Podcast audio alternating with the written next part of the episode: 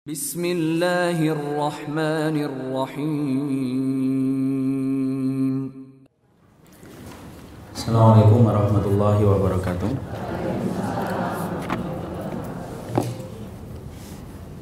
Innalhamdulillah wassalatu wassalamu ala Rasulillah wa ala alihi wa sahbihi wa man tabi'ahum bi ihsan ila yaumil qiyamah. Bapak dan Ibu yang semoga Allah rahmati, ikhwan dan akhwat yang semoga Allah berkahi. Alhamdulillah kita senantiasa bersyukur kepada Allah atas segala kenikmatan dan kebaikan yang Allah titipkan dan Allah torehkan dalam kehidupan kita. Sehingga dalam kesempatan hari ini Allah memberikan salah satu kebaikan dalam kehidupan hamba yang beriman yaitu adalah ketika kita disibukkan di dalam ketaatan, berkumpul pada majelis ilmu dan tidaklah itu kecuali merupakan indikator kebaikan Allah dalam kehidupan kita. Karena sesungguhnya barang siapa yang ingin memperhatikan apa indikator kebaikan yang Allah kirimkan kepada seorang hamba, maka Allah itu akan memberikan dua indikator. Indikator yang pertama, barang siapa yang diinginkan oleh Allah di dalam kebaikan, maka Allah itu akan fahamkan tentang perkara akhiratnya dan perkara agamanya. Kalau dulunya tidak faham, sekarang dia faham. Dulunya tidak mengerti, sekarang dia mengerti. Dulunya tidak memahami, sekarang dia memahami. Maka husnudonlah kepada Allah yang banyak. Sesungguhnya Allah itu menginginkan kebaikan dalam hidupnya sampai dia difahamkan tentang urusan akhiratnya yang menjadi tempat tinggalnya selama-lamanya. Makanya Rasulullah menyampaikan di dalam hadis riwayat Muslim, "Man yuridillahu bihi khairan yufaqihu fiddin." Barang siapa yang diinginkan oleh Allah di dalam kebaikan, maka Allah akan fahamkan dia tentang agama. Jadi kalau Bapak dan Ibu dulunya tidak pernah betah dan tidak pernah menikmati masa ketika duduk di majelis ilmu, kemudian hari ini menikmati masa ketika kita duduk di majelis ilmu, berarti tidak ada yang memberikan kenikmatan itu kecuali adalah Allah dan Allah sedang menginginkan kebaikan. Kita tinggal menyikapi bagaimana keikhlasan kita ketika telah diberikan oleh Allah kemudahan untuk itu. Yang kedua, indikator Allah itu menginginkan kebaikan dalam kehidupan kita. Siapa pun orang yang diinginkan oleh Allah di dalam kebaikan, maka Allah akan sibukkan hari dan waktunya di dalam ketaatan dan kebaikan. Makanya siapa pun yang disibukkan dalam satu ibadah, disibukkan dalam taat, maka itulah tanda Allah itu menginginkan kepadanya kebaikan. Allah sibukkan dari detik menitnya, dari menit jamnya menuju kepada ketaatan karena supaya dia lembaran hidupnya ketika ditimbang penuh dengan perkara yang bermanfaat. Inilah yang menjadikan kita bersyukur. Kalau ada di antara kita dari tadi pagi bangun, kemudian kita pindah dari satu ibadah sampai kita berkumpul pada ibadah siang ini ketika berkumpul pada majelis ilmu, wallahi tidak ada yang mampu menyebutkan kita dalam kebaikan kecuali adalah Allah. Dan siapa pun yang mendapatkan itu, bersyukurlah yang membolak-balikan hati kita untuk itu adalah Allah dan itu Allah memberikan kepada kita supaya Allah memberikan kebaikan dalam kehidupan kita. Dua perkara itu yang apabila kita dapatkan maka itu menjadi sumber kebaikan dalam kehidupan kita, kepadanya kita memuji dan kepadanya kita bersyukur. Kita akan lanjutkan. Kita akan lanjutkan kajian kita yaitu kajian ketika kita menyampaikan dan menjabarkan tentang apa yang ditulis oleh Imam Al-Qurtubi yaitu adalah tentang materi masalah At-Tadkirah li ahwalil mauta wa umuril akhirah yaitu adalah kitab yang menjadi bekal dalam urusan akhirat kita dan menjadi bekal dalam urusan kehidupan kita kelak nanti di mana kita perlu memiliki ilmu dan memiliki pemahaman yang benar supaya apa yang kita fahami dapat menghantarkan kita kepada perjalanan kampung akhirat kita dengan benar. Karena yang kita inginkan bukan hanya bahagia di dunia, tetapi yang menjadi tujuan kita adalah bagaimana kita bahagia dalam urusan akhirat kita.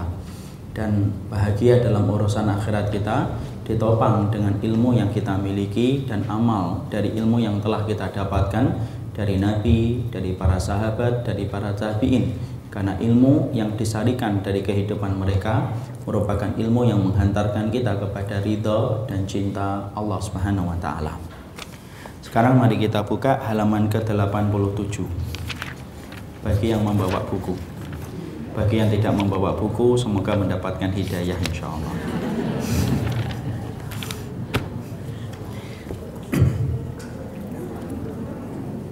Pada halaman ke-87 kita akan menyampaikan tentang satu tema yang telah ditulis oleh Imam Al-Qurtubi ketika beliau menyampaikan tentang su'ul khatimah.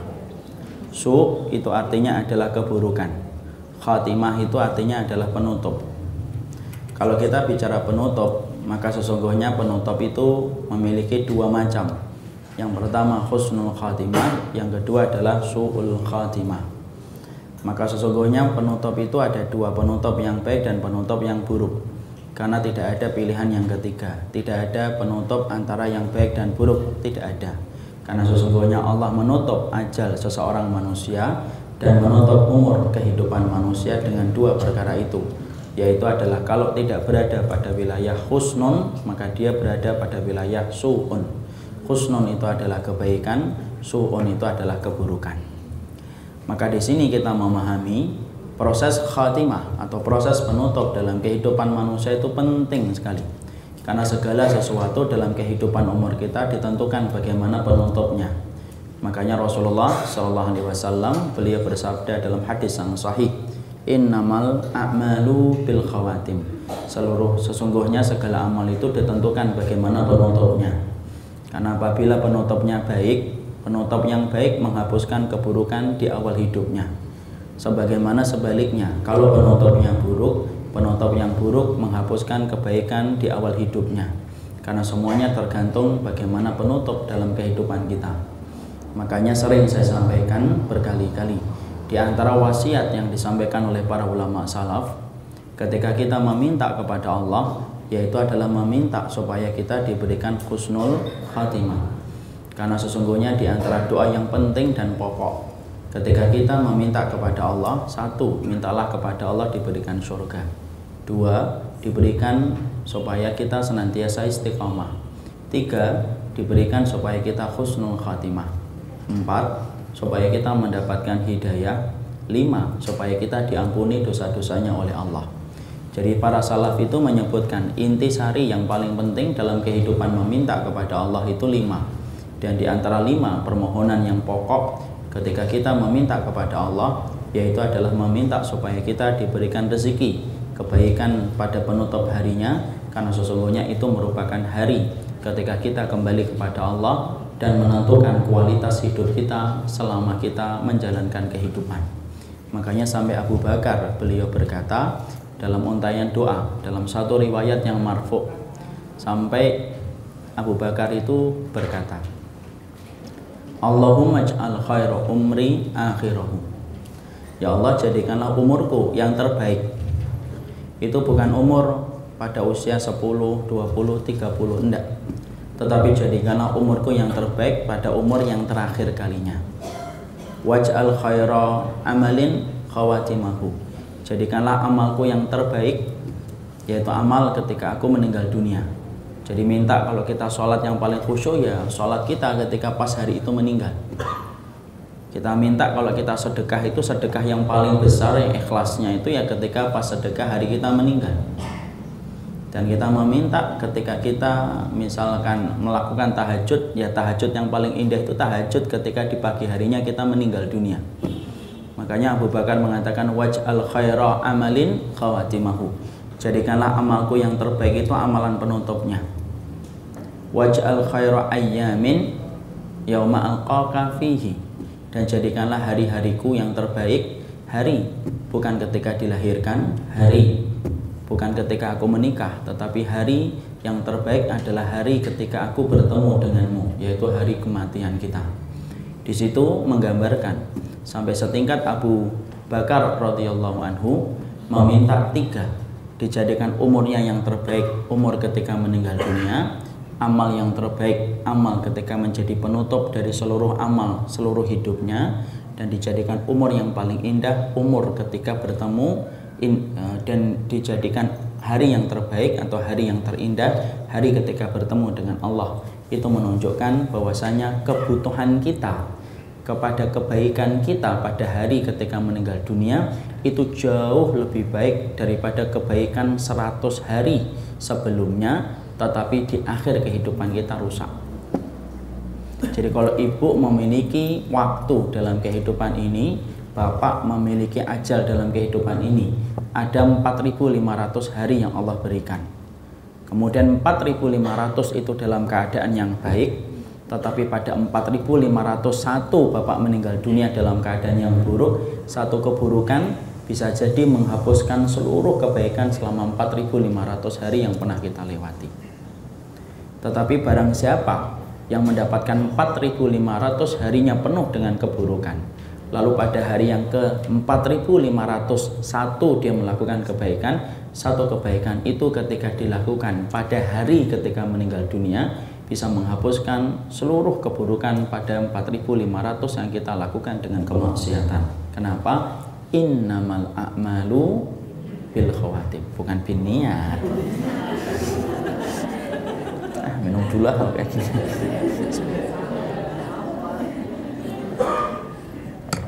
apalnya biniat innamal a'malu bil khawatim materi penting jadinya malah ketawa innamal a'malu bil khawatim sekali-kali perbendaran hadisnya nambah gitu loh.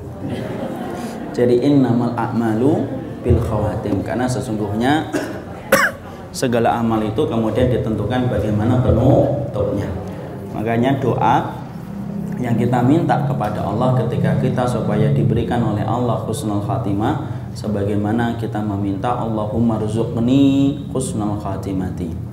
Allahumma rizukni ya Allah berikanlah rezeki kepada kematianku husnul khatimati yaitu penutup yang paling baik. Dan itulah yang kita minta selalu kepada Allah. Maka setelah kita mengetahui bahwasanya husnul khatimah merupakan bagian dari pertolongan Allah dalam kehidupan hamba yang beriman saya perlu menyampaikan pula husnul khatimah itu betul-betul manis. Lebih manis daripada manisnya madu dan lebih manis daripada manisnya kurma karena siapa pun orang yang meninggal dalam keadaan khusnul khatimah ibu dan bapak sesungguhnya dikroyat sesungguhnya ingatan kita terhadap orang yang telah meninggal dunia dalam keadaan khusnul khatimah itu tidak akan pernah lupa. Dan akan menjadi cerita manis yang disampaikan dari lesan kepada lesan berikutnya. Dari lesan yang baik menuju kepada telinga yang baik.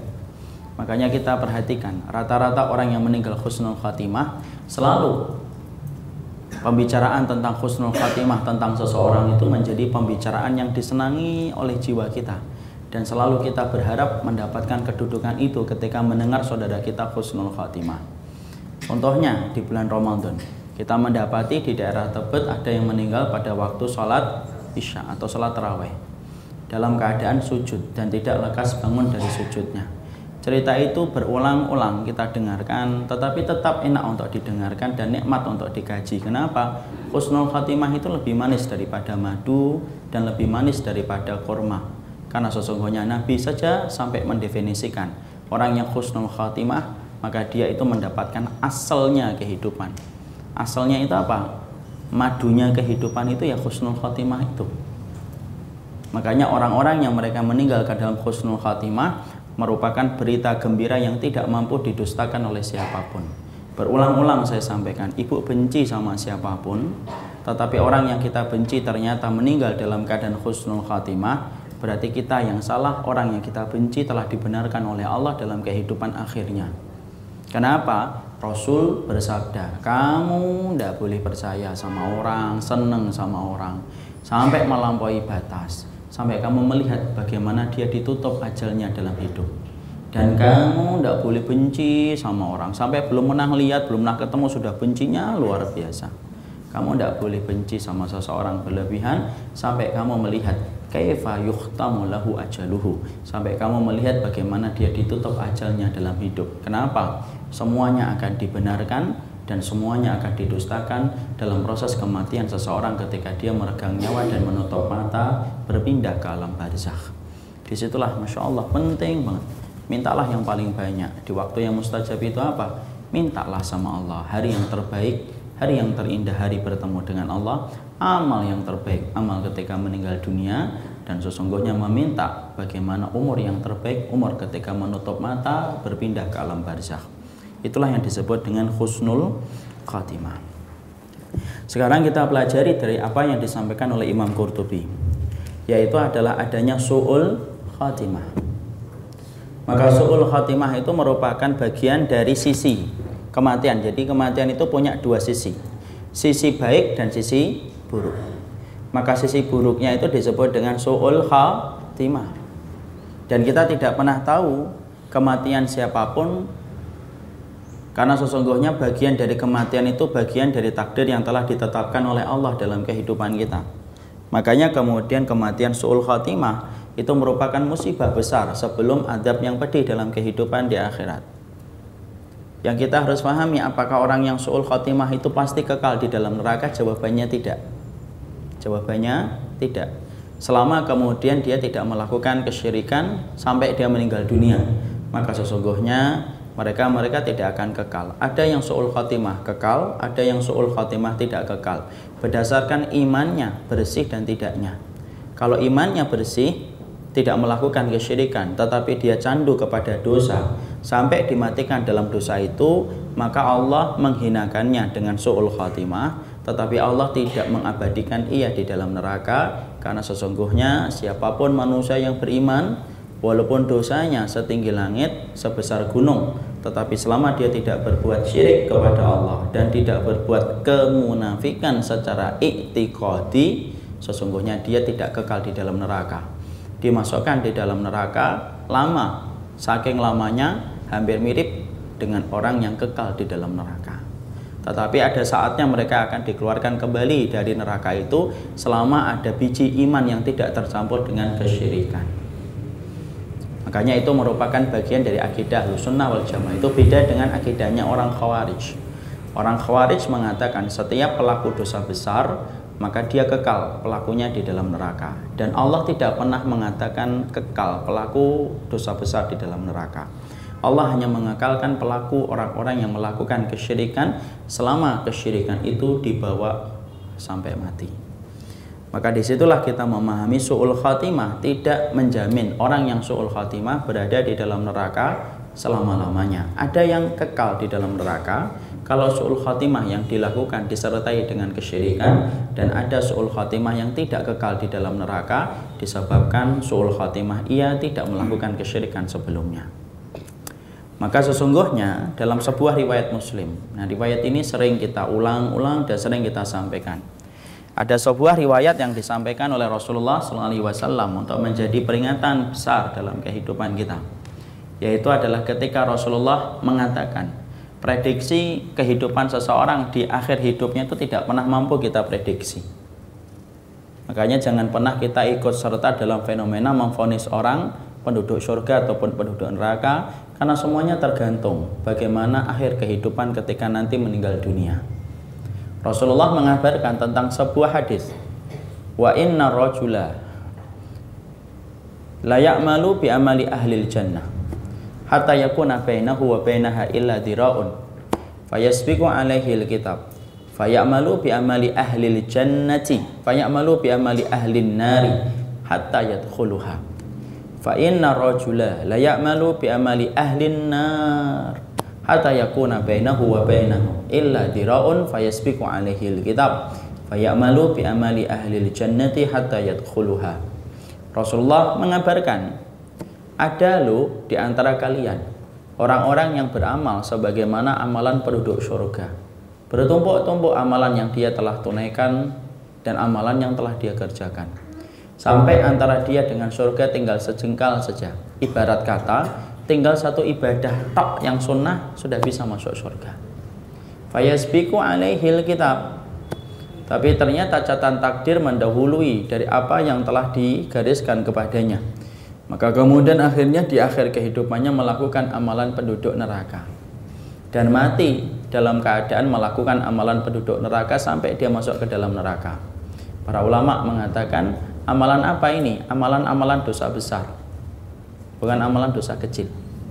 Sebaliknya, ada loh di antara kalian yang beramal dengan amalan penduduk neraka. Saking banyaknya dan tebalnya antara ia dengan neraka tinggal sejengkal. Artinya tinggal satu maksiat tok sudah cukup sempurna dia dimasukkan oleh Allah ke dalam neraka fayas biku alaihil kitab maka kemudian catatan takdir mendahului fayamalu bi amali ahli jannati lalu tiba-tiba dia melakukan amalan penduduk surga sampai kemudian dia dimasukkan oleh Allah ke dalam surga di situlah kita paham Suul khatimah merupakan perkara yang tidak pernah kita tahu apakah bisa menimpa kepada kita ataukah tidak. Jangan pernah merasa aman dalam kejadian apa yang berlangsung di masa mendatang. Karena kita tidak bisa memprediksi kita sendiri. Makanya kenapa kita selalu menyertakan Allah dan meminta pertolongan kepadanya dalam setiap waktunya dan tidak perlu menyombongkan dengan ilmu dan ibadah yang telah kita lakukan. Tidak ada yang menjamin bahwasanya kehidupan kita hari ini yang bertabur dengan iman, bertabur dengan takwa, bertabur dengan kitab dan bertabur dengan nasihat Allah dan Rasulnya itu akan menjadi jaminan iman ketika kita meninggal dunia. Karena apa? Nabi sudah memprediksi akan ada banyak orang yang mereka diprediksikan masuk surga tapi justru gagal dia masuk surga disebabkan di akhir kehidupannya melakukan amalan penduduk neraka. Inilah yang menjadikan akhirnya kita memahami sesuatu yang selalu kita khawatirkan. Kalau kita hari ini beribadah adalah kita terkena sebuah sindrom yang bernama maghrur. Sindrom yang bernama maghrur itu apa? Sindrom yang bernama terpedaya dan terlenakan. Maghrur itu terlena. Jadi setelah kita merasa bahwasanya hari ini kita memperbaiki hijab. Hari ini ketika kita telah memperbaiki cara ma'isyah kita ketika kita membersihkan dari harta yang haram. Hari ini ketika kita telah memperbaiki cara pandang kita dengan ilmu. Hari ini ketika kita telah merasa memperbaiki komunitas kita yang lama diganti dengan komunitas yang baru, kadang-kadang setan itu membiarkan itu terjadi ketika manusia tidak tidak bisa lagi dinasihati untuk melakukan maksiat. Tapi setan akan memasuki kita dari pintu yang bernama maghrur. Maghrur itu apa? Terlenakan dan terlalaikan. Ketika dia merasa ujub dengan ibadahnya, ketika dia merasa bangga dengan apa yang telah dia lakukan, maka di situlah Allah kemudian maka di situlah setan terkadang akan melalaikan dia dan sampai akhirnya sampai akhirnya menyimpangkan jalannya dan menceraikan jalannya dari jalan Allah yang lurus di akhir kehidupan. Makanya hari ini ketika kita belajar dari hadis ini, yang kita pahami dari hadis ini tolong tidak perlu bagi kita. Untuk kemudian ketika hari ini kita sudah mengikuti berbagai macam hal yang baik tidak perlu membanggakan secara berlebihan apa yang kita telah temui dan apa yang telah kita lakukan. Karena wallahi hari esok hari lusa ataupun satu tahun di masa mendatang kita tidak pernah tahu bagaimana nasib yang akan menimpa kepada kita karena semuanya bergantung kepada bolak-baliknya hati kita. Dan itu semuanya tergantung kepada kehendak takdir Allah. Makanya mintalah tolong kepada Allah supaya Allah menolong kita menetapkan hati kita di dalam kebaikan dan menetapkan hati kita di dalam keta ketaatan. Makanya sama pula kalau kemudian tiba-tiba kita mendapati ada saudara kita yang dulunya sudah bermaksiat, kemudian sudah ber, kemudian hijrah, kemudian dia berbuat baik kembali, kemudian melakukan kembali kemaksiatan, tidak usah dihujat lah. Tidak usah dihujat. Jadi kalau kita hari ini mendapati ada saudara kita yang kemudian mereka yang dulunya dia sudah meninggalkan perbuatan maksiat dan hari ini kembali dia melakukan perbuatan kemaksiatan kembali, fahami itulah fitrah kehidupan. Iman bertambah, iman turun. Dan tidak perlu kita menghujat siapa pun ibu dan bapak yang sering menghujat manusia atas dosa, maka Allah akan menimpakan ujian dosa itu kepadanya sampai Allah ingin melihat apakah dia berhasil melewatinya sebagaimana orang yang dia hujat itu kalah dengan dosa itu ataukah tidak. Karena apa? Karena sesungguhnya yang dibutuhkan oleh seseorang itu ketika mereka terjatuh dalam kesalahan yang sama. Karena menjaga hijrah itu memang susah. Mendapatkan momentum hijrah gampang. Mendapatkan momentum hidayah ringan. Tapi menjaga hidayah itu yang sulit dan menjaga hijrah itu yang berat. Tetapi di situlah kalau kita mendapati ada saudara kita dalam perjalanan pulangnya dia kepada Allah, tiba-tiba dia melakukan kembali dan mengulang kembali kesalahan yang sama. Wallahi yang dibutuhkan olehnya itu bukan hujatan kita dan kita merasa lebih baik darinya. Tapi yang dibutuhkan adalah doa kalau kita tulus telah mencintainya karena Allah. Kenapa? Karena sesungguhnya apakah kita tidak patut untuk merenungkan bagaimana sifat gofurnya Allah yang tidak bertepi karena sifat ampunan Allah itu tidak bertepi. Mari kita dengarkan sebuah hadis dalam riwayat Muslim. Dalam riwayat Muslim diterangkan ada seorang hamba melakukan dosa. Kemudian setelah melakukan dosa dia bertobat kepada Allah. Kemudian Allah berkata, hambaku ini bertobat kepada diriku karena dia tahu bahwasanya aku adalah zat yang mampu menghapuskan dosa. Aku ampuni dosanya. Lalu kemudian hamba itu melakukan dosa kembali dia betul-betul berusaha untuk menahan diri untuk tidak melakukan dosa kembali. Apalah daya tarikan nafsunya lebih besar akhirnya melakukan dosa itu kembali. Setelah melakukan dosa itu kembali dia menyesal, kembali dia menyesal, dia bertobat kembali. Allah berkata yang kedua, aku ampuni karena dia telah menyakini bahwasanya aku adalah zat yang mengampuni dosa. Hamba itu setelah kemudian diterima tobatnya, ternyata tarikan nafsunya datang kembali dan melakukan dosa kembali. Maka kemudian Allah, kemudian dia setelah melakukan dosa kembali, dia bertaubat kembali kepada Allah. Kemudian Allah berfirman, sesungguhnya dia selama dia bertobat, maka selama itu pula aku akan mengampuninya. Imam Nawawi berkata ketika beliau menjelaskan tentang hadis ini, kalaupun ada seorang hamba yang dia melakukan 100 kesalahan, lalu datang dengan taubat 101 maka Allah akan terima yang ke 101 dan Allah akan lupakan 100 dosa yang diulang secara berulang-ulang. Selama dia tidak mempermainkan taubat dan betul-betul jatuhnya itu karena tekanan yang luar biasa. Dari nafsu dan tekanan-tekanan dorongan setan. Maka di situlah kita kemudian memahami kalau ada orang di antara saudara kita dalam perjalanan takdirnya menuju kepada Allah, kemudian kita melihat, kemudian terperosok kepada kesalahan, setelah dia bertobat itu jauh lebih baik daripada dia terprosok itu sebelum dia meninggal dunia.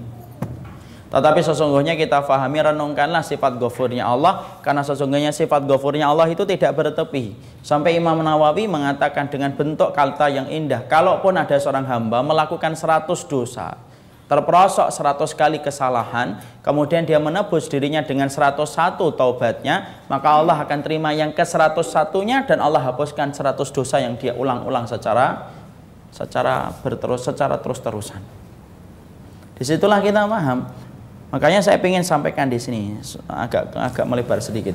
Kalau kita menyikapi saudara kita kemudian melakukan hal yang semacam itu ketika dia sudah bertobat kemudian melakukan kembali kesalahan Wallahi hari ini kita tidak diperintahkan untuk menjadi penuntut umum bagi kehidupan saudara kita.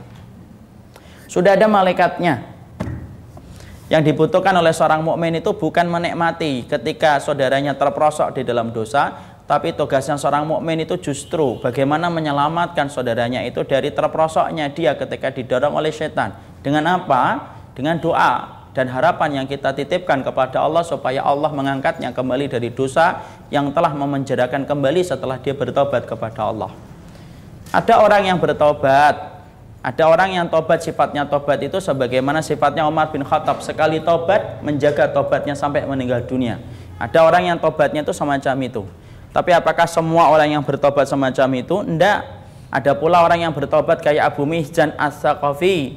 Siapa itu Abu Mihjan As-Saqafi? Seorang sahabat yang menenggak minuman khamr diambil dijilid. Menenggak minuman khamr kembali diambil dijilid. Menenggak minuman khamr kembali diambil dijilid kembali. Sampai berulang-ulang dan berpuluh-puluh kali dia mengulang kesalahan yang sama.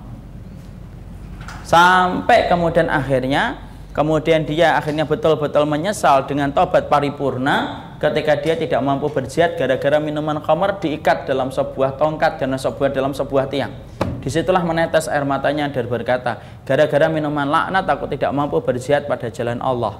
Maka itulah yang menjadi tobat paripurna yang akhirnya menjadikan Abu Mizan As-Saqafi tidak lagi menenggak minuman khamar.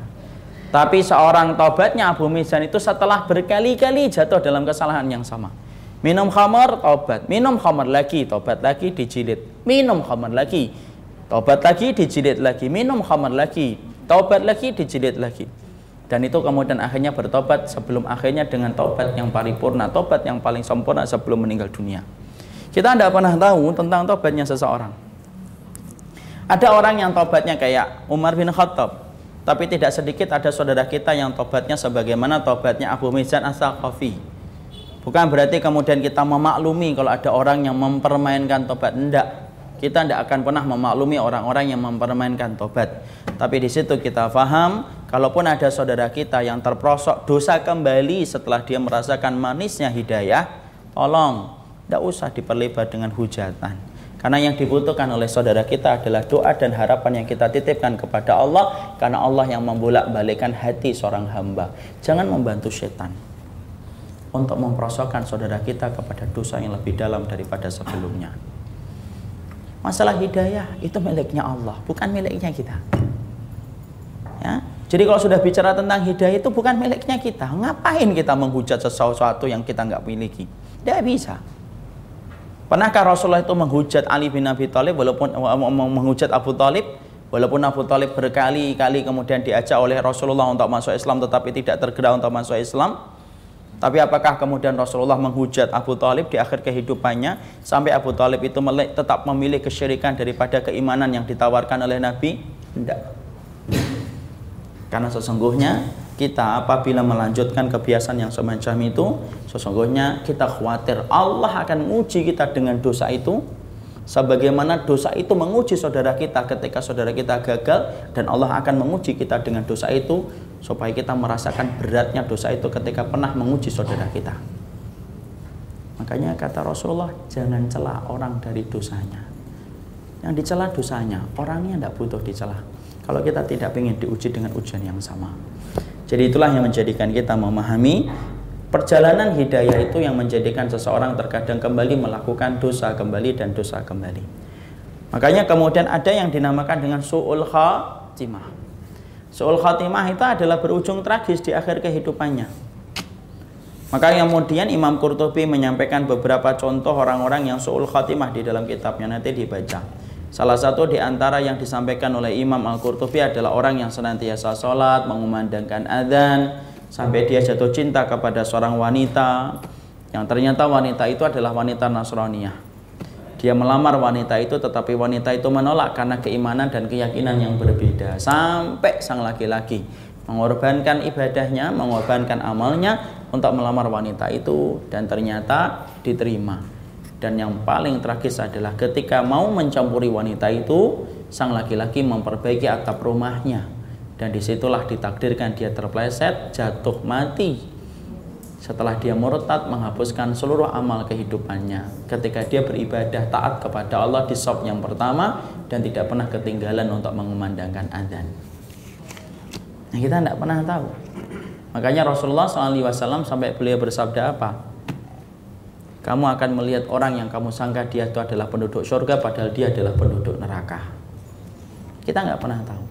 Makanya terhadap satu riwayat yang sering saya sampaikan pula dalam riwayat Bukhari ada seseorang yang berjihad dengan gagah berani. Sampai kemudian Rasulullah Shallallahu Alaihi Wasallam kemudian bersabda kepada para sahabat yang menyaksikan bagaimana gagah beraninya. Dan sepak terjang sahabat yang begitu luar biasa menumpas dan menebas musuh-musuh Allah dengan pedangnya. Kemudian Rasulullah bertanya, "Atadruna hawa min ahli jannah min nar?" Dia ini penduduk surga atau penduduk neraka? Kemudian seluruh para sahabat serentak yang ada di samping Nabi mengatakan dia adalah penduduk surga ya Rasul. Kemudian Nabi mengatakan la innahu min ahli nar. Dia termasuk penduduk neraka. Sampai kemudian ternyata ada satu sahabat yang penasaran Kenapa Nabi sampai menyebut ia penduduk neraka padahal dia gagah di atas kudanya menebas musuh dengan pedangnya dan sampai menyebab terpenggalnya banyak musuh-musuh Allah. Ternyata orang itu dilihat oleh sahabat yang memperhatikannya. Dia tertebas pedang, jatuh dari dari kudanya, kemudian tersengal-sengal dalam kematiannya, tidak sabar menunggu ajalnya dicabut oleh Allah. Ketika merasakan beratnya su, ketika beratnya merasakan sakaratul maut, maka kemudian dia mengambil sebilah pedang, kemudian ditusukkan ke tubuhnya berkali-kali. Mati bukan dalam keadaan berjihad di jalan Allah, tapi matinya bunuh diri. Dan itu merupakan mati su'ul khatimah. Itulah garis kehidupan kita yang tidak pernah kita tahu. Makanya tidak usah sombong kalau sudah ngaji, tidak usah sombong ketika sudah mampu melakukan amalan sunnah, mencibir saudaranya, seakan-akan menganggap saudaranya itu tidak satu level dengan dirinya. Seakan-akan tidak satu banding dengan dirinya makanya ada salaf itu sampai marah sama anaknya ketika salaf ini sholat qiyamul lail semalam suntuk bersama putranya. Ketika menjelang subuh kemudian putranya berkata orang-orang masih pada tidur tidak sholat malam. Kemudian bapaknya marah dan berkata, "Nak, kamu tidur dari habis sisa sampai subuh itu jauh lebih baik daripada kemudian kamu sholat semalam suntuk tetapi dengan modal sholat itu kamu sombong di hadapan manusia dan merasa lebih baik daripada yang tidur karena apa?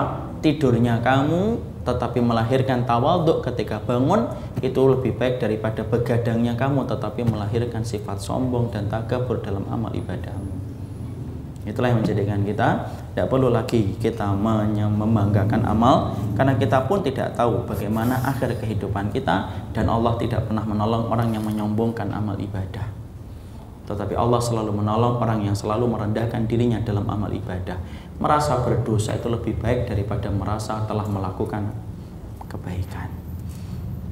Karena sesungguhnya orang yang merasa berdosa akan termotivasi untuk bertobat dan tidak pernah letih untuk menebus kesalahan dan dosanya dengan kebaikan.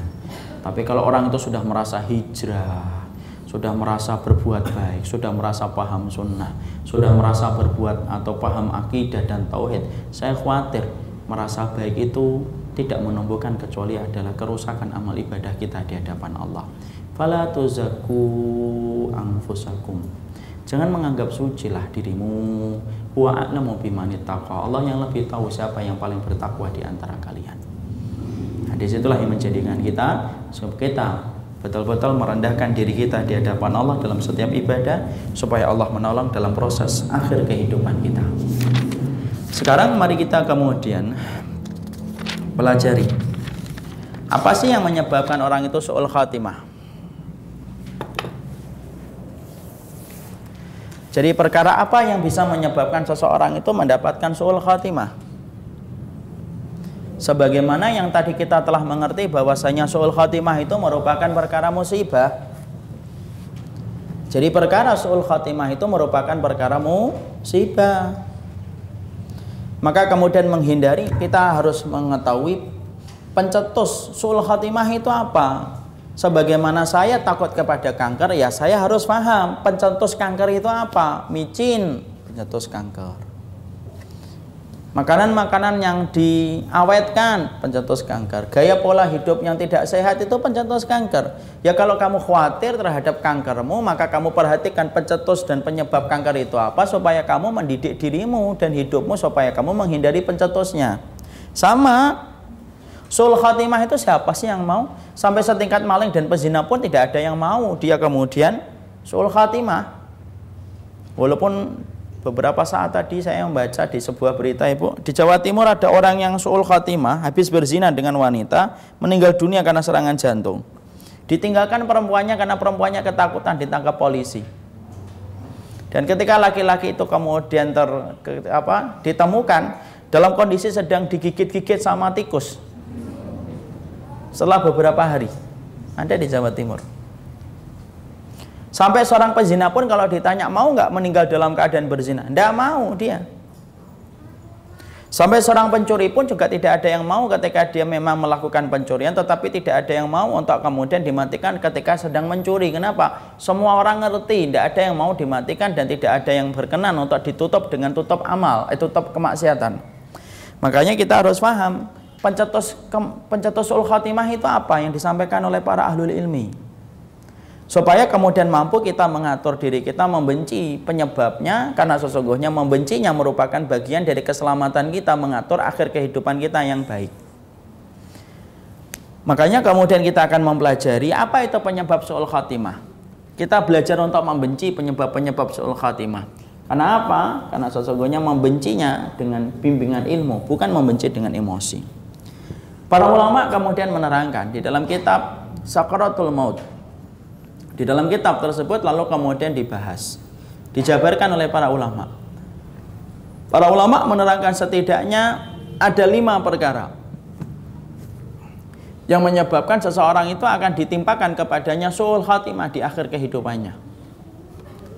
Yang mana ketika mereka melakukan lima perkara ini maka Allah itu akan menimpakan kepadanya kehinaan ketika mereka menutup mata berpindah ke alam barzahnya.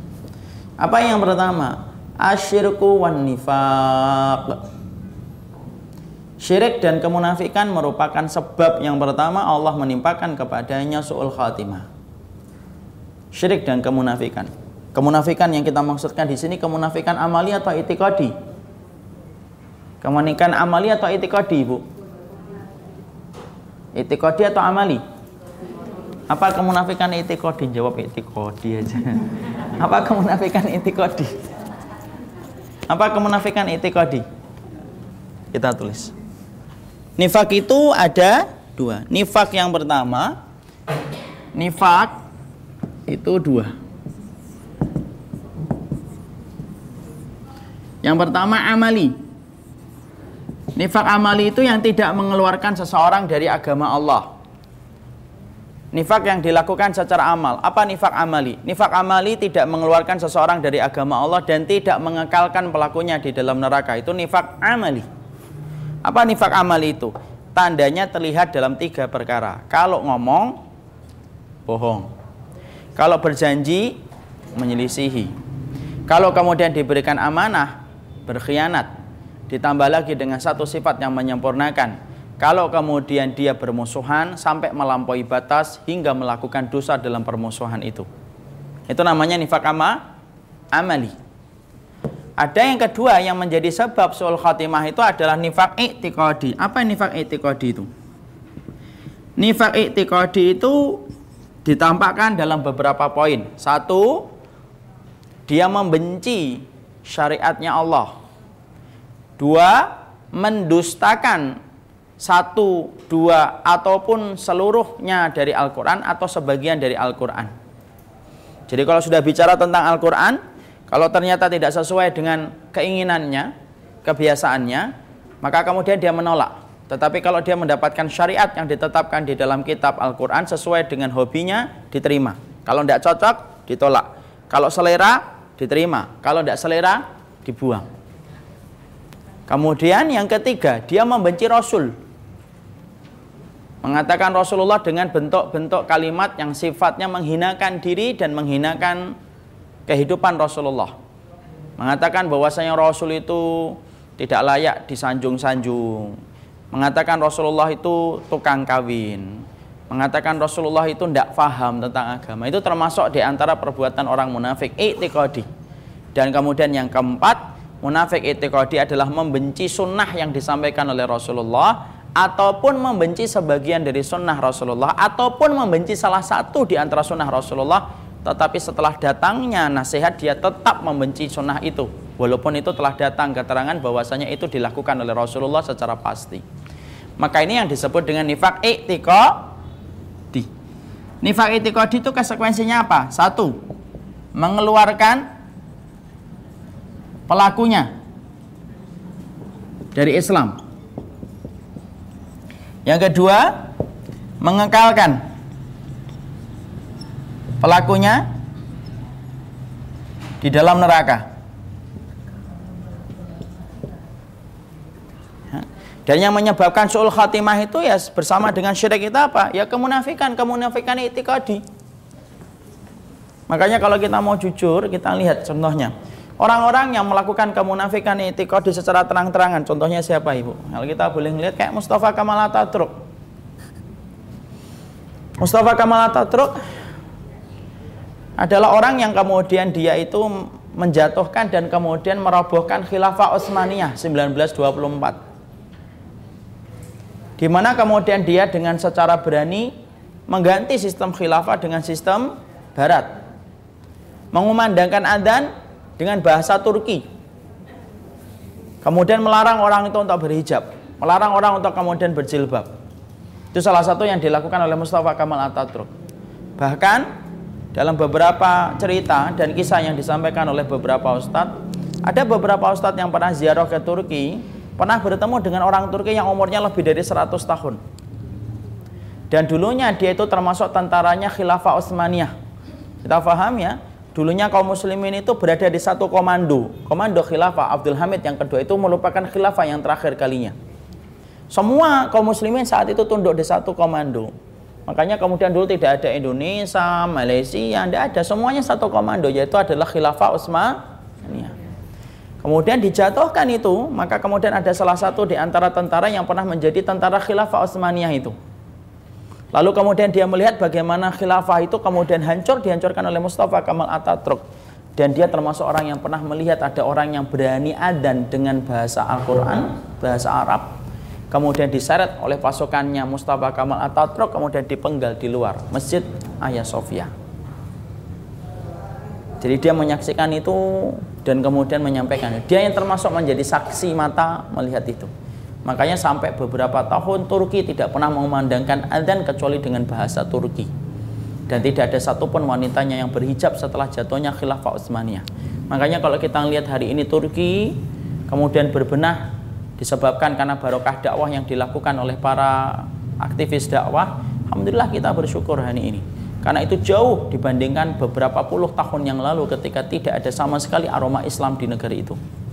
Padahal negeri itu penting atau tidak penting? Penting, jantungnya dunia itu di Turki. Dan itu menjadi salah satu saksi bisu jatuhnya khilafah yang terakhir. Siapa yang menjatuhkan Mustafa Kamal Ataturk? Maka kemudian kematiannya su'ul khatimah sampai tidak bisa ada tanah yang menampung dirinya ketika meninggal dunia. Dan kemudian teriak-teriak ketika kemudian meninggal dunia. Allah alam bisawab. Tapi itulah merupakan salah satu di antara perkara yang disebutkan oleh para ahlul ilmi yang menyebabkan orang itu su'ul khatimah yaitu adalah ketika mereka bersinggungan dengan perkara kesyirikan dan bersinggungan dengan kemunafikan. Makanya saya sampaikan, pernah saya sampaikan kisah nyata di sini bagaimana beberapa waktu yang lalu ada salah satu jamaah bersama istrinya yang datang. Kemudian meminta tolong kepada saya Ustadz, kakek saya sudah beberapa hari sakaratul maut, tapi kok nggak meninggal-meninggal ataupun tidak disembuhkan oleh Allah berat betul antara hidup dan mati. Saya kemudian bayangkan sakaratul maut sampai beberapa hari itu beratnya semacam apa. Ya saya meyakinkan bapak tahu nggak sakaratul maut itu definisinya apa? Tahu Ustaz. Dia menyebutkan satu persatu tanda-tanda sakaratul maut dan itu benar. Matanya sudah ngelihat ke atas tidak bisa diajak komunikasi sampai berhari-hari itu. Saya bayangkan nazak dan sakaratul maut itu ibu ataupun bapak setengah jam aja berat apalagi sampai berhari-hari itu kayak apa kemudian saya diminta tolong untuk kemudian mendatangi semua kemudian melihat supaya kemudian dibantu mungkin dalam proses talqin dan yang lainnya. Pada Allah saya tidak bisa karena ada utur syari yang tidak bisa saya tinggalkan. Saya cuma minta tolong kepada salah satu ustadz. Saya telepon saya minta tolong ustadz datangi. Saya kok khawatir jangan-jangan beliau ini punya barang-barang kesyirikan dan beliau yang saya mintain tolong adalah orang yang terbiasa dan punya pengalaman untuk merukyah datang beliau sampai kemudian akhirnya ditalken dan yang lainnya sampai meninggal dunia beberapa hari kemudian. Setelah beberapa waktu saya ketemu lagi dengan sang ustadz dan kemudian saya cerita-cerita sama beliau. Kenapa kemarin ustadz sampai begitu lama syakaratul mautnya? Barang-barangnya itu banyak barang-barang syirik ustadz. Dia punya kamar khusus kamar itu naruh barang-barang keramat di kamar itu tidak boleh setiap orang masuk di kamar itu secara bebas. Harus nunggu izinnya dari dia. Jadi sang kakek ini betul-betul dihormati di keluarga besar. Di antara tingkat penghormatan keluarga besarnya kepada sang kakek itu apa? Ada satu kamar yang tidak boleh diganggu gugat dan ternyata ketika dibuka saya memaksa supaya dibuka kamar itu saya lihat semua barang-barang yang diselamatkan kita kumpulkan, kita hancurkan, baru kemudian agak mendingan ketika ketika sakaratul maut, ketika dia akhirnya meninggal dunia, walaupun tidak ada satupun kalimat Allah yang terucap di lisannya. Syirik itu penyebab su'ul khatimah. Makanya Rasulullah SAW pernah melihat seseorang yang kemudian memakai gelang kesyirikan, seorang sahabat ketika belum paham ilmunya, kemudian Nabi beliau bersabda, inzaha Fa'in mutta ala dalika maaflah ta'abadah. Tolong ya lepaskan itu. Kalau enggak, kamu tidak akan pernah beruntung selama-lamanya di dunia dan di akhirat. Jadi syirik itu menyebabkan apa? Su'ul khatimah. Susah dia mati. Makanya perhatikan orang-orang yang jelas-jelas memakai barang-barang kesyirikan sampai dia meninggal dunia, disusahkan dia meninggal dunia.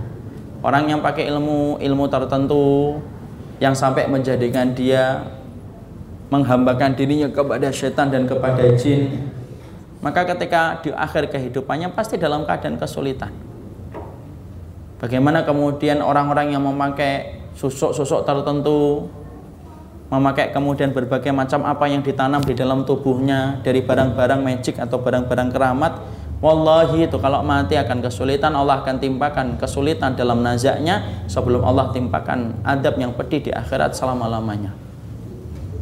Orang yang kemudian datang ke dukun-dukun kemudian meminta supaya proyeknya, warungnya kemudian akan lari sama persis itu. Dan kita khawatir ya hari ini Masya Allah ya. Hari ini orang itu begitu mudahnya untuk datang ke dukun melakukan interaksi dan muamalah dalam masalah perdukunan supaya menjadikan warungnya, menjadikan tokonya kemudian menjadi laris.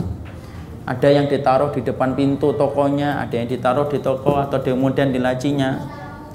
Apa yang didapatkan dari perdukunan tidak sebanding dengan apa yang dikorbankan dalam kehidupan di akhirat. Tidak pernah sebanding. Apakah kemudian sihir dan perdukunan itu bisa mengenai dalam masalah perbisnisan? Iya. Oh, sampai urusan perceraian saja termasuk bisa kok ma yufarriqu bainihi ma yufarriqu nabihi bainal mar'i wa zauji sampai urusan laki-laki dan perempuan ketika sudah menikah itu bisa dipisahkan dengan satu yang dinamakan dengan sihir itu bisa. Makanya wallahi yang pertama yang menyebabkan su'ul khatimah dalam kehidupan manusia lul ilmi mengatakan asyirku wan nifaq. Syirik dan kemunafikan. Dan kemunafikan yang dimaksudkan di situ kemunafikan secara i'tiqadi. Ya? Jadi orang-orang munafik itikodi yang kemarin-kemarin membantah Al-Maidah, Al-Baqarah, kalau pingin mati tidak pingin khusnul khotimah tobat. Ya, sudah kalah belum masih tobat juga ya. Maka kemudian itu akan menjadi peringatan berat dalam kehidupan akhirat kelak. Yang kedua, yang menyebabkan orang itu kemudian diberikan oleh Allah suul khatimah yaitu adalah menjadi walinya Allah ketika di tengah keramaian tetapi menjadi walinya setan ketika di tengah kesepian itu merupakan salah satu sebab suul khatimahnya seseorang Mansur bin Ammar itu menyampaikan sebuah kisah nyata yang terjadi pada zaman salafus salih ya ada orang yang kemudian dua orang yang bersahabat ini dalam kasus ya dalam dalam sebuah kitab nyata kisah-kisah yang terjadi pada zaman salafus salih.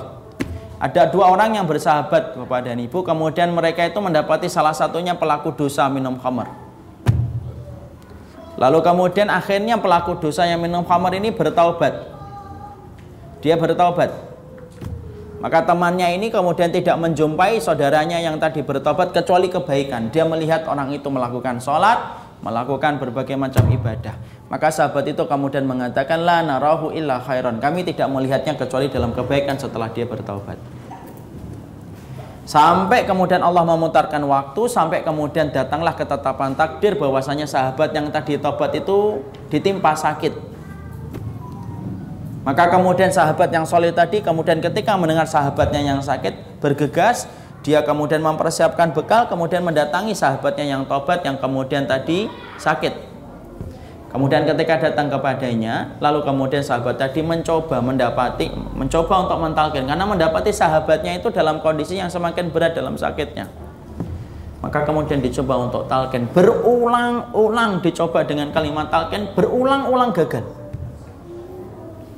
Lalu kemudian diceritakan oleh Mansur bin Ammar ini. Kemudian sahabatnya tadi berkata, "Ma yamna'uka minal kalam la ilaha illallah." Lo yang menghalangi kamu untuk mengucapin la ilaha illallah itu apa, akhi? Tidaklah aku melihatmu kecuali adalah ahlul kebaikan, ahlul khair. Kamu telah mengganti dosamu, kamu telah bertaubat, kamu telah mengganti dengan sholat, kamu telah mengganti dengan sedekah dan mengganti seluruh dengan ketaatan. Ma yamna'uka minal kalam. Apa yang menghalangi kamu untuk mengucapin la ilaha illallah? Sahabat tadi yang sakratul maut kemudian menjawab, "Ini tubtu ilallahi taubatal kadhibin." Saya adalah orang yang bertobat kepada Allah dengan tobat yang para pendusta. Kemudian dia menyampaikan, Loh, bukankah kamu adalah orang yang telah mengganti kebaikan? Itu kalau aku di hadapan orang banyak. Aku seakan-akan pengen mendapatkan popularitas ketika bertobat karena orang mengenalku dulu adalah ahli maksiat lalu kemudian aku bertaubat dari minuman khamar dan ketika aku bertobat aku mendapatkan kedudukan tinggi di mata manusia maka setiap aku habis memperlihatkan ibadahku memperlihatkan ketaatanku aku bersembunyi di balik tirai aku, eh, aku bersembunyi di balik tirai. Ketika tidak ada orang yang memperhatikan aku aku menenggak kembali minuman khamar itu.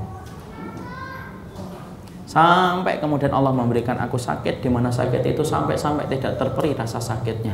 Kemudian aku meminta kepada putriku tolong ambilkan bapak mushaf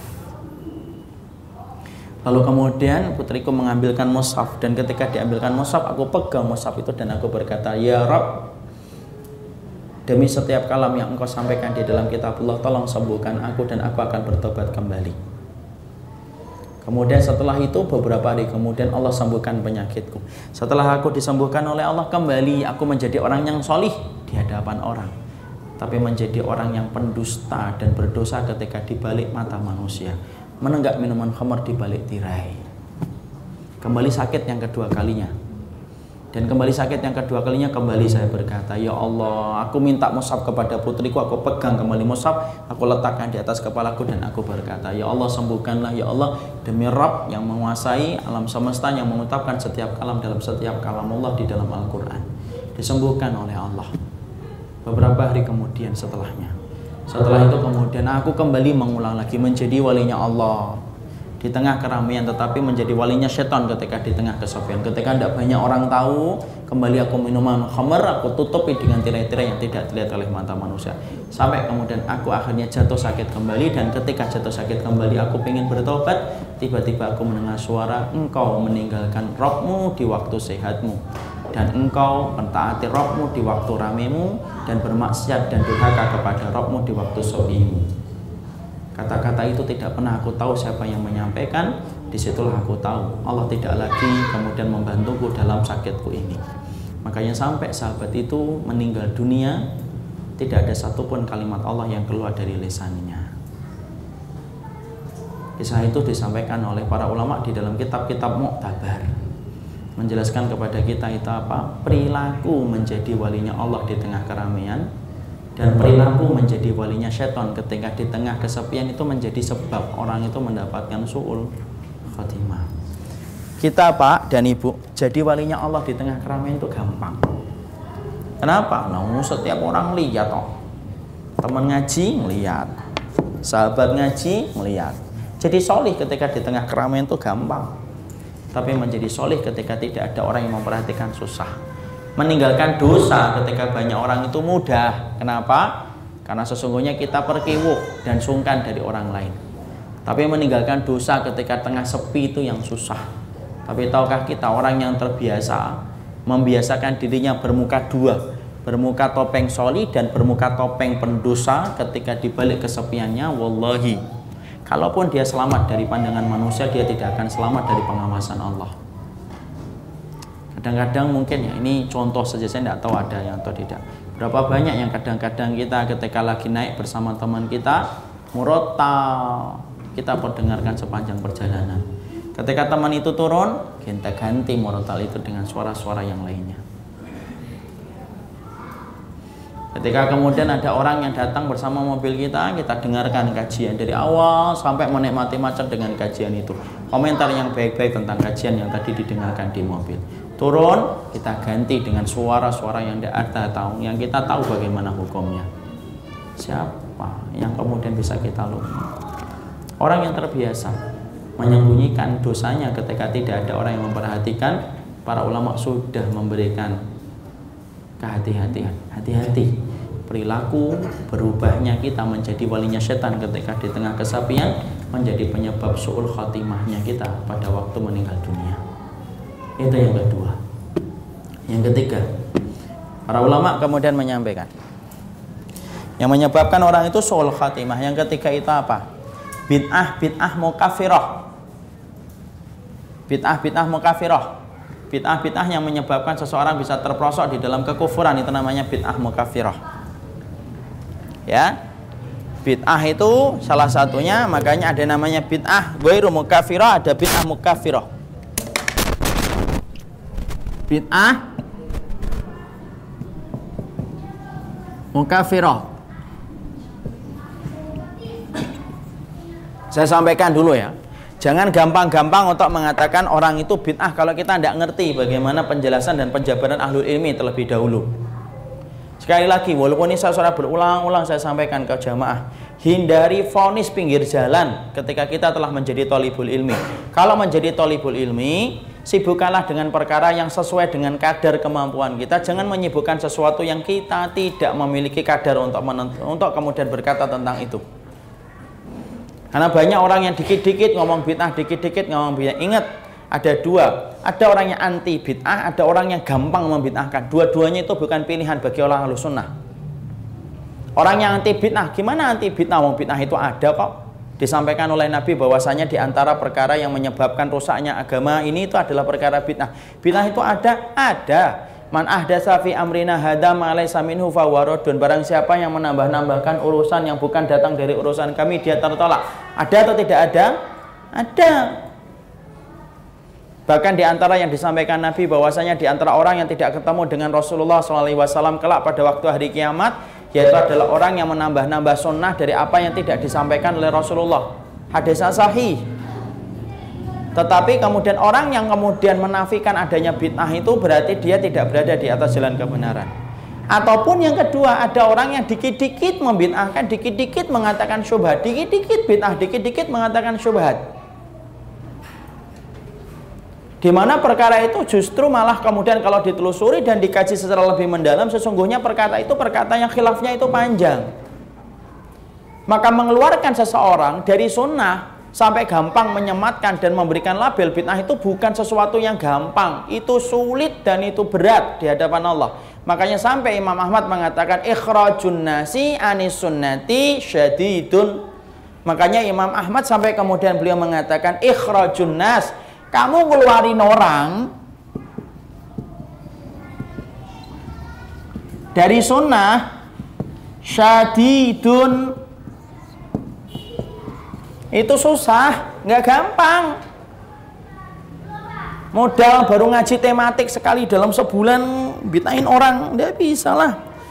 Modal ngaji kitab sekali dalam sebulan itu kitabnya aja nggak punya. Bitain orang nggak bisa kayak gitu.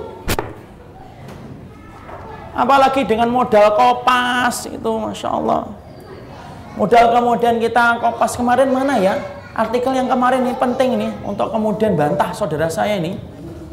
Tapi yang dicari kopas kopas saja nggak dibaca. Maka kemudian tidak gampang itu. Makanya yang menyebabkan su'ul khatimah kita tidak bahas tentang ini kita bahas yang bid'ah mukafirah. Bid'ah mukafirah itu kemudian yang menyebabkan su'ul khatimah. Salah satunya kemudian kita mendapati sebuah riwayat dari Ibnul Farid. Ibnul Farid itu adalah orang yang ibadah tetapi dia meyakini bahwasanya Allah itu bersemayam dalam tubuhnya makhluk. Itu bid'ah mukafirah atau tidak? Bid'ah mukafirah. Kenapa? Tidak boleh meyakini Allah itu bersetu, Allah itu bersemayam dalam tubuhnya manusia itu tidak boleh. Haram, haram. Kalau kita meyakini Allah bersemayam dalam tubuhnya makhluk berarti Allah itu bisa salah, Allah bisa sakit, Allah bisa sedih, Allah bisa seneng. Dan sifat itu tidak mungkin dimiliki oleh Allah mustahil karena sifat itu sifat yang melekat pada diri makhluknya bukan diri kacang kalik. Bahaya nggak tidak pemikiran bid'ah semacam itu? Bahaya. Maka bid'ah mukafirah maka kemudian menyebabkan su'ul khatimah. Ustaz, gimana ya kita tahu itu bid'ah mukafirah atau enggak? Ya kita harus ngaji. Persoalan-persoalan usul di dalam kehidupan iman.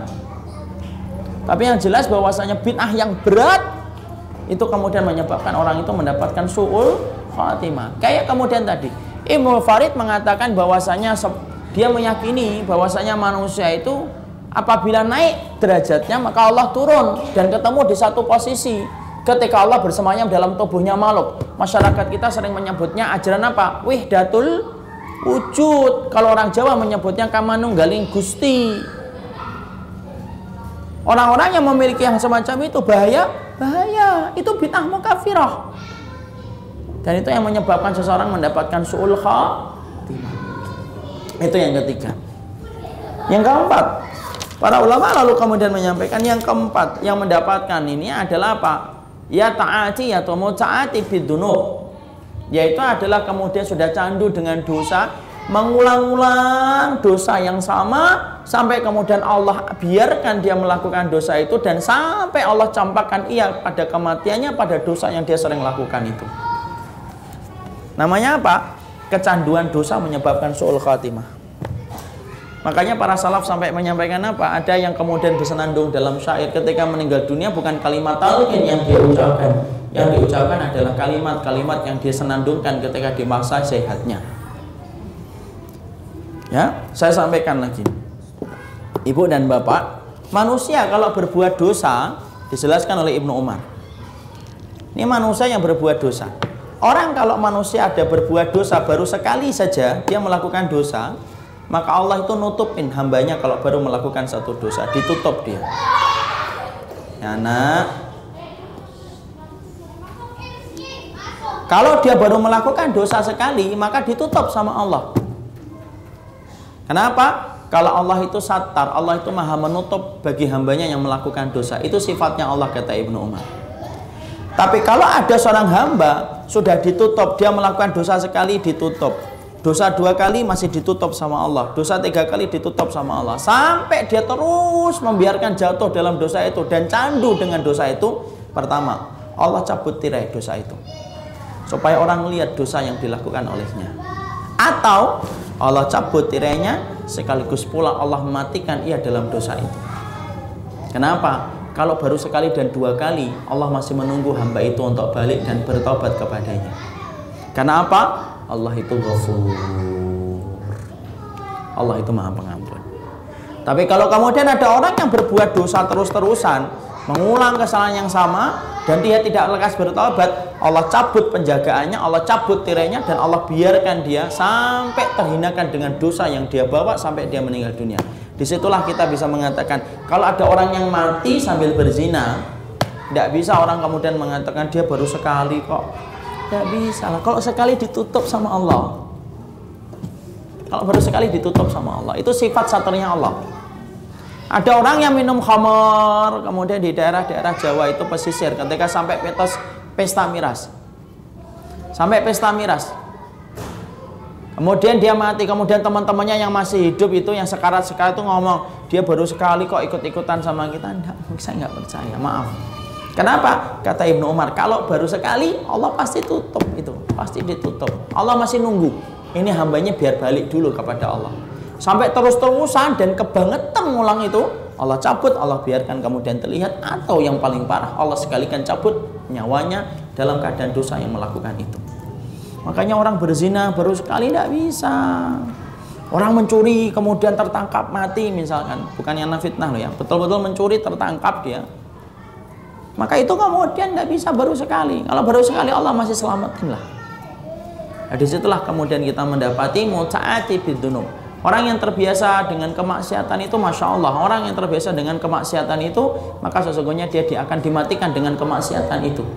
Sama dengan syair-syair lagu yang kita sering dengerin. Hati-hati loh Bisa jadi tanpa sadar itu terekam di bawah alam sadar kita Keluar ketika mau mati. Ketika kemudian ditalkin La ilaha illallah. Yang keluar Isabella Sama Denpasar Moon itu lagu yang saya dahulu tahu ketika masih SD. Isabella sama Den Pasarmun, dah itu tak. Maka kemudian bisa jadi, bisa. Sebagaimana kisah nyata yang terjadi di daerah Arab Saudi, bagaimana ada seorang polisi yang bercerita dalam kitabnya seorang ulama. Ketika dia patroli mendapatkan kecelakaan, diselamatkan orang itu dari mobilnya, dan ketika dia mendapati sakaratul maut menimpa kepada pengemudi yang kecelakaan itu ditalkin. Tapi ternyata yang keluar bukan kalimat la ilaha illallah yang keluar itu syair lagu yang sedang diperdengarkan di dalam mobil itu ketika qadarullah walaupun kecelakaan hebat suara musiknya tetap masih jalan. Kisah nyata itu. Fakta biru ya ulil absar. Bukankah Allah merintahkan kita ambil ibrah wahai orang yang berakal? Ambil ibrah dari orang yang berakal itu Terlepas hilaf lah, kemudian ada yang mengatakan begini yang musik itu begini lah, sudahlah, bismillah tinggalkan. Ganti dengan yang lebih baik yaitu adalah Quran. Apakah kita ridho untuk kemudian meninggal dalam keadaan diperdengarkan Quran, diperdengarkan musik? Tidak mau. Sesenang-senangnya kita terhadap Bon Jovi, misal. Tidak ada orang yang kemudian senang sama Bon Jovi itu ketika mati, tolong ya nanti kalau saya mau mati, sakaratul mau dengerin Bon Jovi. Tidak ada yang mau. Kenapa? Fitrahnya tahu kalau mati tidak butuh Bon Jovi. Butuhnya apa? Quran. Lah kok kemudian hidupnya menikmati Bon Jovi terus matinya pengen kemudian dengerin Quran? Lah kok enak? Nggak bisa kayak gitu. yaitu takwid. Maka kemudian membiasakan kita dalam kebaikan itu termasuk di antara perkara yang membantu kita dalam husnul khatimah. Membantu kita dalam husnul khatimah. Ya, bismillah lah, kita ganti aja yang lebih baik itu. Insya Allah. Dan kemudian tinggalkan dosa-dosa yang kita sembunyikan, yang kita kemudian masih melakukannya itu, tinggalkan dosa itu. Orang yang kemudian terbiasa ghibah, apa kita ridho toh ketika meninggal dunia dalam keadaan kita gibahin orang kemudian meninggal dunia? Apa kita ridho ketika kita menghujat dan modai kehormatan orang kopas kemudian baru kopas mati? Tidak akan ada selesainya itu. Dan itu kemudian yang dikatakan oleh para ulama salafus saleh muta'ati bidunub. Orang yang kecanduan dengan dosa merupakan salah satu perkara penyebab su'ul khatimah kehidupan seseorang. Dan kemudian yang kelima kita singkatkan anak-anak sudah pada datang. Tidak khusyuk kita belajar. Yang kelima yaitu adalah ataswi bitobah yang menyebabkan orang itu susah dalam sakarat susah dalam apa yang menyebabkan suul khatimah atas wif atas wif itu apa taswif itu melambat-lambatkan taubat. Nungga-nungga nunda-nunda besok nanti nanti aja kalau sudah punya anak satu baru pakai jilbab. Nanti aja kalau anaknya sudah enam nanti aja kalau sudah pensiun. Nanti aja kalau sudah dibelikan sepatu sama suami baru saya akan berbakti sama suami. Itu semuanya. Itu termasuk dari perkara taswif taswif itu adalah perkara menunda-nunda tobat dan di antara bentuk panah beracunnya iblis itu adalah taswif. Supaya orang itu melambatkan tobatnya kalau orang itu sudah lambat dalam tobatnya di situlah setan itu akan mudah memperosokkan dia dalam soul khatimah. Taswif itu gimana tulisannya? Taswifun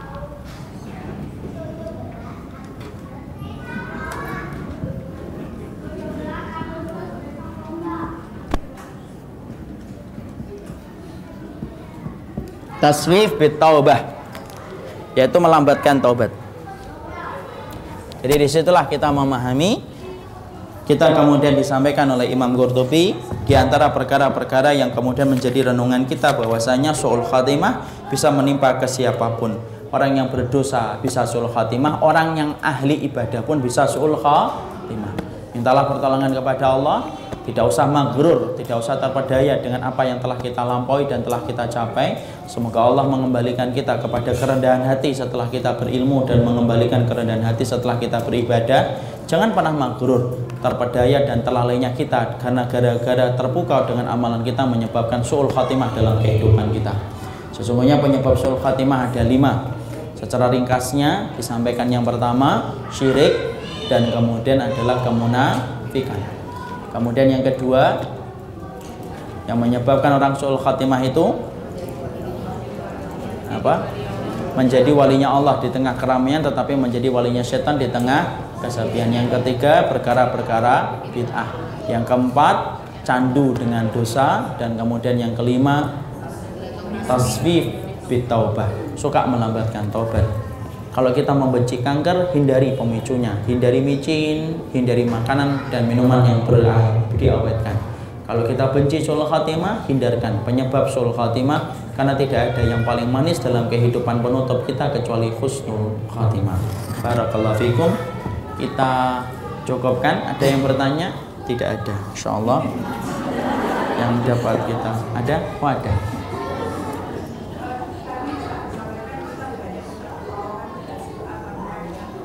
Minta apa ibu? Pertolongan apa? Iya. Minta pertolongan dalam semua perkara. Minta pertolongan dalam istiqomah. Minta pertolongan kita diberikan oleh Allah. Doanya beda-beda ibu.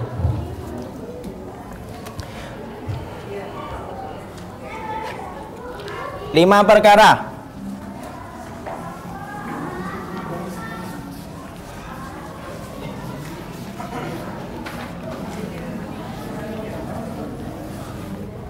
Lima perkara yang kita minta dalam doa dalam urusan akhirat kita. Satu, minta surga. Doanya apa? Allahumma ini ini apa? As'alukal As'alukal jan Dua, minta husnul khatimah. Doanya apa? Allahumma rzuqni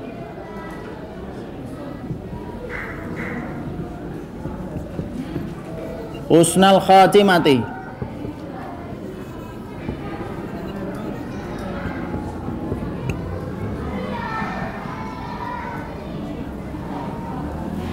Yang ketiga, minta apa? Yang ketiga minta apa? Istiqomah. Doanya apa? Ya mukal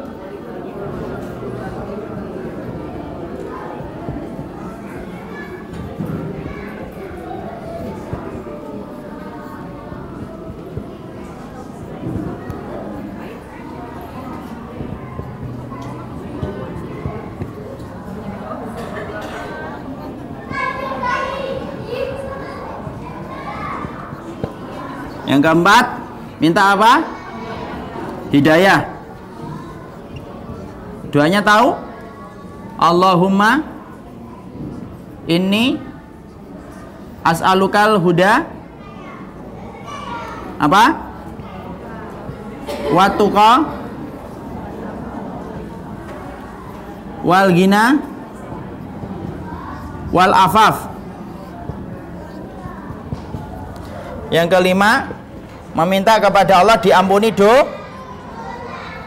dosa. Doanya apa? Allahumma firli.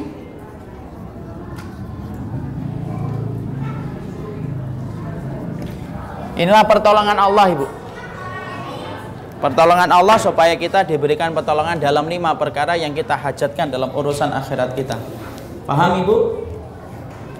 Pertanyaan beliau mewakili lima pertanyaan selanjutnya, insya Allah kita tutup dan kita cukupkan kajian kita dalam kesempatan hari ini.